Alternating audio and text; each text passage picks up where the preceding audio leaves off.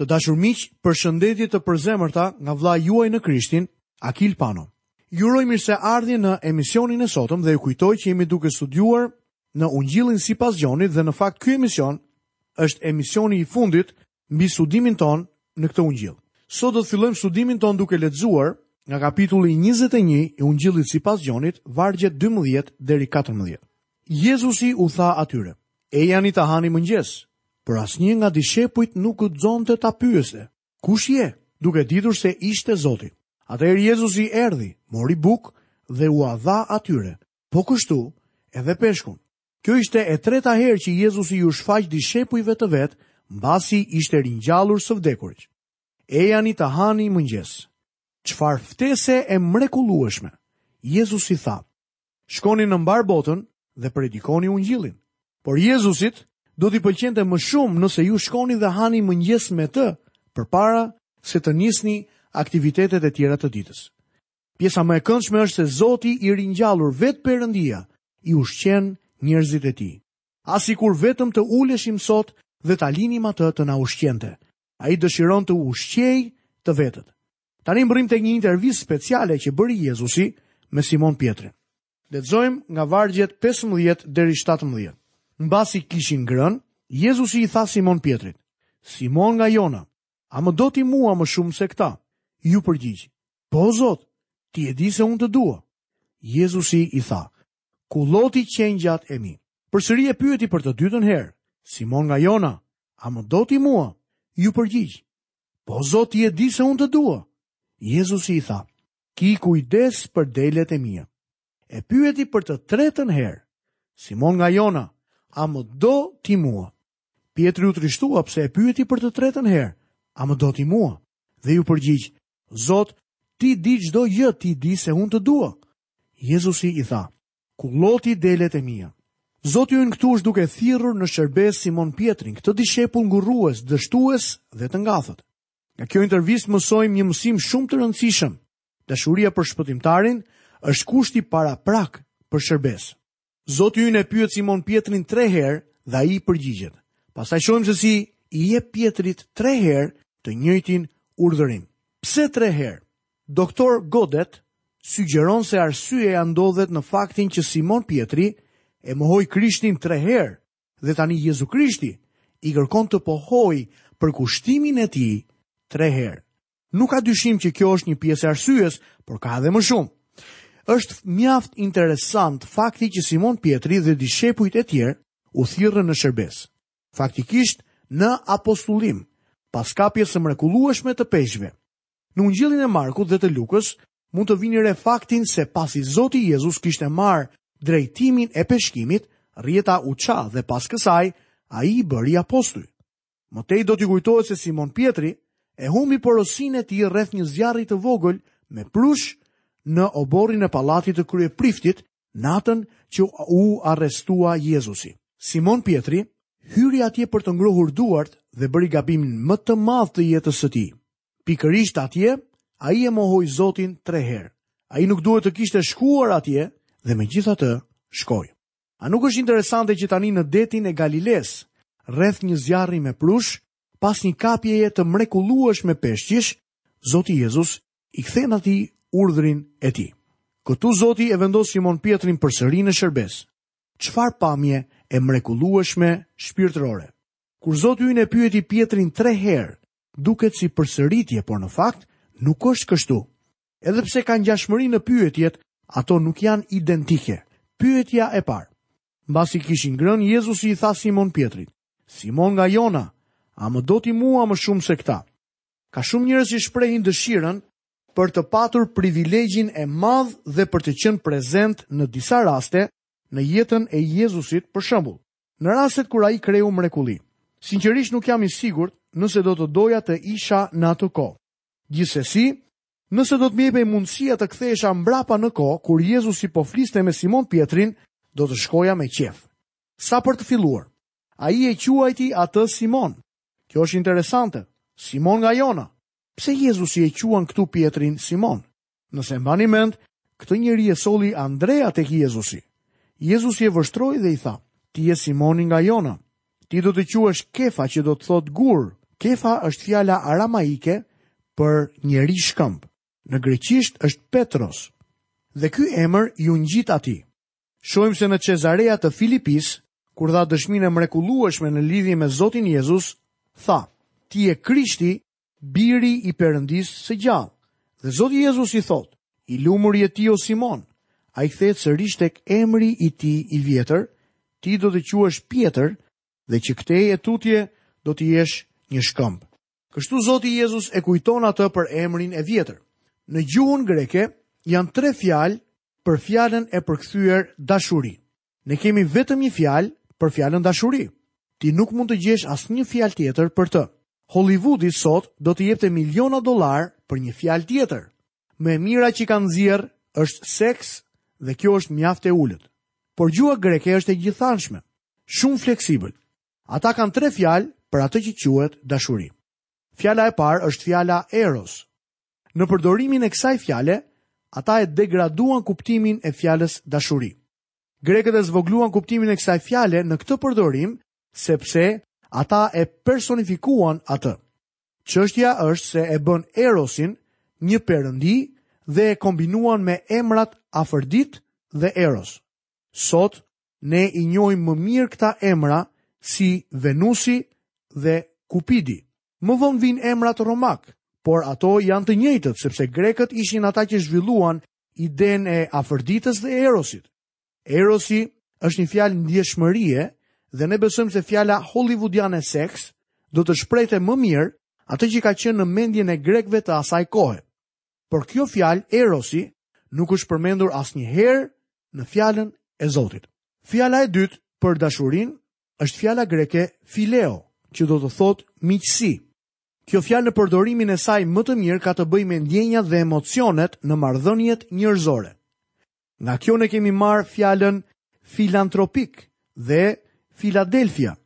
Filadelfia është qyteti i dashurisë vëllazërore. Kjo fjalë përdoret në shkrime. Fjala e tretë për dashurinë është agapao ose dashuria agape.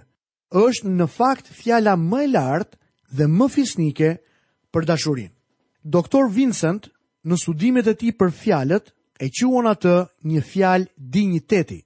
Ajo është gjithashtu një fjalë hyjnore që përdoret për të treguar dashurinë e Zotit, Zotit tonë Jezu Krisht. Kur Zoti ynë Në zgjedhjen e gjuhës, kaloi fjalët eros dhe phileo dhe përdori fjalën agapao kur i tha Simon Pjetrit, A më do ti mua, Simon, me gjithë zemrën tënde? Është e mrekullueshme të kesh doktrinën e duhur dhe besimin e duhur, por shpëtimi është një lidhje dashurie. Nëse nuk e doni Perëndinë, nuk ekziston asnjë lidhje dashurie. Simon, a më do ti mua më shumë se gjithë të tjerët? Dashuria është fjala supreme. Sinqerisht nëse do të më ishte lënë mua në dorë, do të kisha zgjedhur fjalën besim si fjalën supreme të krishterimit. Në fakt, do ta konsideroja besimin si fjalën supreme të çdo feje. Por sigurisht që shkrimi i përgjigjet kësaj pyetje siç duhet. Tani pra, këto të tri gjëra mbeten: besimi, shpresa dhe dashuria. Por më e madhja nga këto është dashuria. Por unë do t'ju them pse do të zgjidhja besimin. Është një kompliment më i madh të jesh i besuar se sa i dashur. Është e vërtetë se shumë njerëz të këqij duhen nga vajza të mrekullueshme. Ndonjëherë ndodh e kundërta, por në momentin që personi i besuar tregohet i padenjë, nuk i besohet më. A mund të mendoni së bashku me mua për një moment? Simon Pjetri e kishte mohuar Zotin. Në fakt, Zoti nuk mund të kishte më besim tek ai, por megjithatë e donte shumë. Askush s'ka dashuri më të madhe nga kjo, të japë jetën e vet për miqtë e tij. Ndërkohë që Simon Pjetri po mohonte Zotin, Zoti Jezus ishte në rrugën e tij për në kryq, për të vdekur për të. Më vonë Pjetri shkroi në letrën e tij të parë. Ai vetë i barti mëkatet tona në trupin e tij mbi drurin e kryqit, që ne, të vdekur për mëkate, të rrojmë për drejtësi dhe me vurratat e tij ju u shëruat. Vini re se pyetja e parë e Zotit Jezus për Pjetrin ishte, a më do më shumë se këta? Zoti Jezus po thotë, A më do më shumë se këta njerëz? Besoj se e mbani mend kur Zoti Jezus herën e fundit që ndodheshin në dhomën e sipërme tha, njëri nga ju do të më tradhtojë. Simon Pjetri pa dyshuar mendoi, po edhe unë nuk i kam besuar kësaj turme. Por mos u shqetëso, ke një djalë tek i cili mund të mbështetesh, më ke mua. Zoti Jezus tha. Simon nga Jona, a je i përgatitur tani për të më thënë se më do më shumë se dishepujt e tjerë? Pikërisht këtë po thoshte Jezusi në këtë vend. Tani dëgjoni Simon Pjetrin. Po Zot, ti e di se unë të dua. Këtu Simoni nuk përdor fjalën agapao, por fileo. Ai thotë, ti e di që unë të dua. Pse nuk përdori Simoni fjalën që përdori Zoti ynë? Nëse doni mendimin tim, ky njeri është mërzitur me mburrje. Kurrë më nuk do të lëvdohet për atë që do të bëjë. Ju nuk do ta dëgjoni kurrë më të thotë se do të bëjë diçka të madhe për Zotin. Që nga ky moment Pjetri do të bëjë diçka të madhe për Zotin, por nuk do të thotë asgjë për këtë. Ai bie në planin e ulët. Ai thotë, "Unë të dua, o Zot." Tani vini re këshillën. Zoti ynë i përgjigjet, ushqeji qengjat e mi. Më lejoni t'ju jap një përkthim më të mirë. Kulloti qengjat e mi të vegjël. Fjala për qengjat është zvogëluese, që do të thotë qengjat bebe. Simon Pjetër, nëse më do, dua që të shkosh dhe të kullotësh qengjat e mi të sapolindur. Dua që ti t'i ushqesh. Shumë të krishterë mendojnë se Jezusi tha, kritikoji qengjat e mi të vegjël, por ai nuk na e ka dhënë këtë urdhërim, ai tha, ushqeji. Le të ndalemi tek pyetja e dytë. Vini re në vargun e 16. Përsëri e pyeti për të dytën herë. Simon nga Jona, A më do ti mua? Iu përgjigj. Po Zot, ti e di se unë të dua. Jezusi i tha, ki kujdes për delet e mia. Këtë herë Zoti ynë e heq pjesën më shumë se këta. Arsyeja është se ai po thotë, ndoshta Simon Pjetër, nuk mund të mburresh më dhe të thuash se më do më shumë se dishepujt e tjerë, por a s'mund të thuash që ti më do. Me këto fjalë Jezusi po e ndihmonte këtë njeri për ta ngritur në një plan më të lartë. Por Simon Pjetri thjesht nuk mundet. Në ndonjë mënyrë apo tjetër, ne admirojmë atë për këtë. Ne jemi të kënaqur që ai nuk po mburret më. Në vend të kësaj, ai preferon të zërë një pozitë më të ulët. Dëgjoni pohimin e tij. Po Zot, ti e di që të dua, por ai nuk përpiqet të ngrihet më të lartë. Nuk guxon ta bëjë këtë sepse ka frikë nga diçka e tillë. Këshilla e dytë. Ki kujdes për delet e mia. Duhet të vini re diçka interesante. Ai thotë kulloti qengjat e vegjël, por ki kujdes ose disiplinoji delet. Në ditët tona, kjo e vërtetë është në të kundërt. Ne sot mendojmë të disiplinojmë të rinjtë dhe të mësojmë të vjetrit, miku im. Nuk është kjo metoda e Krishtit. Ne duhet të kullosim qengjat e vegjël dhe të disiplinojmë delet. A e dini pse? Për shkak se qengjat e vegjël do të ndjekin delet. Atëherë delet duhet të disiplinohen. Ndalemi tek pyetja e tretë. E pyeti për të tretën herë. Simon nga Jona, a më do ti mua? Krishti tani përdor fjalët e Simon Pjetrit në pyetjen e tij. Ai thotë, Simon Pjetër, a më do me të vërtetë? Përkthimi ynë nuk e tregon këtë, por Zoti ynë ulet në pozitën e Simon Pjetrit dhe Pjetri trishtohet. Pohimi i tretë, Pjetri u trishtua pse e pyeti për të tretën herë, a më do ti mua? Dhe iu përgjigj, Zot, ti di çdo gjë, ti di se unë të dua. Le të futemi në kuptimin e vërtetë të kësaj bisede midis Zotit tonë dhe Simon Pjetrit. Pjetri ishte i trishtuar në zemrën e tij jo sepse Zoti e pyeti tre herë, por sepse Zoti duhej të ulej dhe të ndalonte në nivelin e tij duke përdorur fjalët e tij. Por Simon Pjetri nuk është ende për t'u ngjitur. Ashtu siç thotë vetë e vetmja gjë e mirë që mund të bëjë është të thotë se e do Zotin dhe se Zoti e di këtë. Ai nuk po mburret tani sepse e kupton që Zoti e njeh zemrën e tij dhe e di që ai e do me të vërtetë. Le të shohim këshillën e Jezusit, dhe kjo është këshilla e tretë. Kulloti delet e mia. Pra, ushqeji ato. E shihni edhe delet kanë nevojë të ushqehen. Lexojmë më poshtë nga vargjet 18 deri 19. Jezusi tha: Në të vërtetë, në të vërtetë po të them se kur ishe i ri e ngjeshje vetë veten dhe shkoje ku të doje, por kur të jesh plak, do t'i shtrish duart dhe dikush tjetër do të të ngjeshë e do të të çojë atje ku ti nuk do të doje. I tha këto fjalë për të bërë të ditur se me ç'vdekje ai do të përlëvdonte Perëndinë. Jezusi po i tregon Pjetrit se si ai do të martirizohet. Pjetri tha që do të jepte jetën e tij për Zotin Jezus dhe në fakt kështu do të ndodhë disa vite më vonë. Lexojmë vargjet 19 deri 21. Dhe si i tha këto, i tha, ndiqmë. Dhe Pjetri u kthye dhe pa se po e ndiqte dishepulli të cilin Jezusi e donte. Ai që gjatë darkës ishte mbështetur mbi kraharorin e Jezusit dhe kishte pyetur, Zot, kush është ai që po të tradhton? Kur Pjetri e pa, i tha Jezusit, Zot, dhe me të, ç'do të bëhet. Simon Pjetri po thotë, ti më tregove se çfarë duhet të bëj unë, tani më trego se çfarë duhet të bëhet edhe me Gjonin. Lexojmë në vargun e 22. Jezusi u përgjigj, nëse dua që ai të mbetet derisa të vij unë, ç'të duhet? Ti, ndiqmë. Zoti ynë po thotë, shiko pak Simon Pjetër, ti do të vdesësh për mua, se çfarë do bëj me Gjonin, nuk është puna jote. Edhe nëse ai jeton derisa të vij unë, kjo nuk do të ndikojë aspak tek ajo që ke për të bërë. Ti më ndiq mua. Lexojmë vargjet 23 dhe 24. Atëherë u hap zëri midis vëllezërve se ai dishepull nuk do të vdiste. Por Jezusi nuk i kishte thënë Pjetrit se ai nuk do të vdiste, por nëse unë dua që ky të mbetet derisa të vij unë, ç'të duhet? Ky është dishepulli që dëshmon për këto gjëra dhe që ka shkruar këto gjëra. Dhe ne e dimë se dëshmia e tij është e vërtetë. Këtu jepet diçka shumë interesante. Injoranca ose mungesa e njohurisë nuk është justifikim për të mos i shërbyer Zotit. Disa njerëz thonë se nuk do t'i shërbejnë Zotit nëse nuk marrin përgjigje për pyetjet e tyre. Miku im, ka shumë gjëra që nuk mund t'i dish. Ka gjëra të tjera që nuk të nevojiten t'i dish. Ka gjëra që nuk janë puna jote t'i dish. E vetmja gjë e rëndësishme është të ndjekësh Krishtin. Jezusi nuk e zbuloi se çfarë do t'i ndodhte Gjonit, Ai thjesht tha se nëse do të ishte vullneti i tij për Gjonin të mos vdiste, kjo nuk duhet të ndikonte aspak në shërbesën e Pjetrit apo në detyrimet e tij për të ndjekur Jezusin. Kjo është shumë e rëndësishme për ne.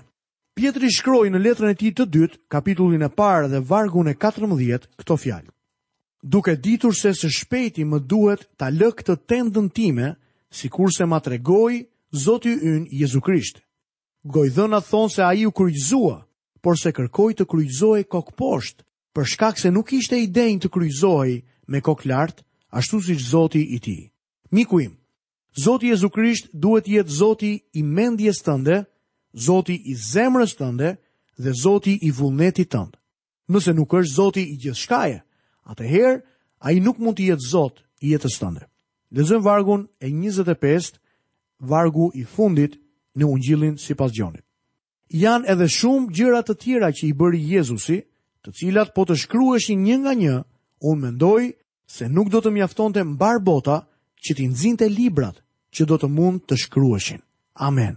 Gjoni apostull nuk po ekzagjeron kur thotë se e gjithë bota nuk do të mjaftonte për të nxënë librat që do të mund të shkruheshin për Zotin.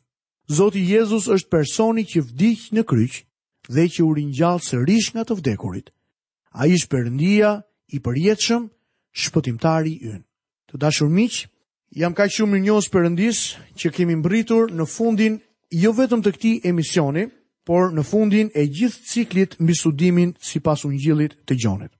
Lutem që të gjitha këto studime që kemi bërë mbi këtë Ungjill, jo vetëm të hedhin dritë mbi kuptimin dhe njohjen tuaj mbi Perëndinë, por të bëjnë të mundur themelimin dhe ndërtimin e jetës tuaj mbi shkëmb.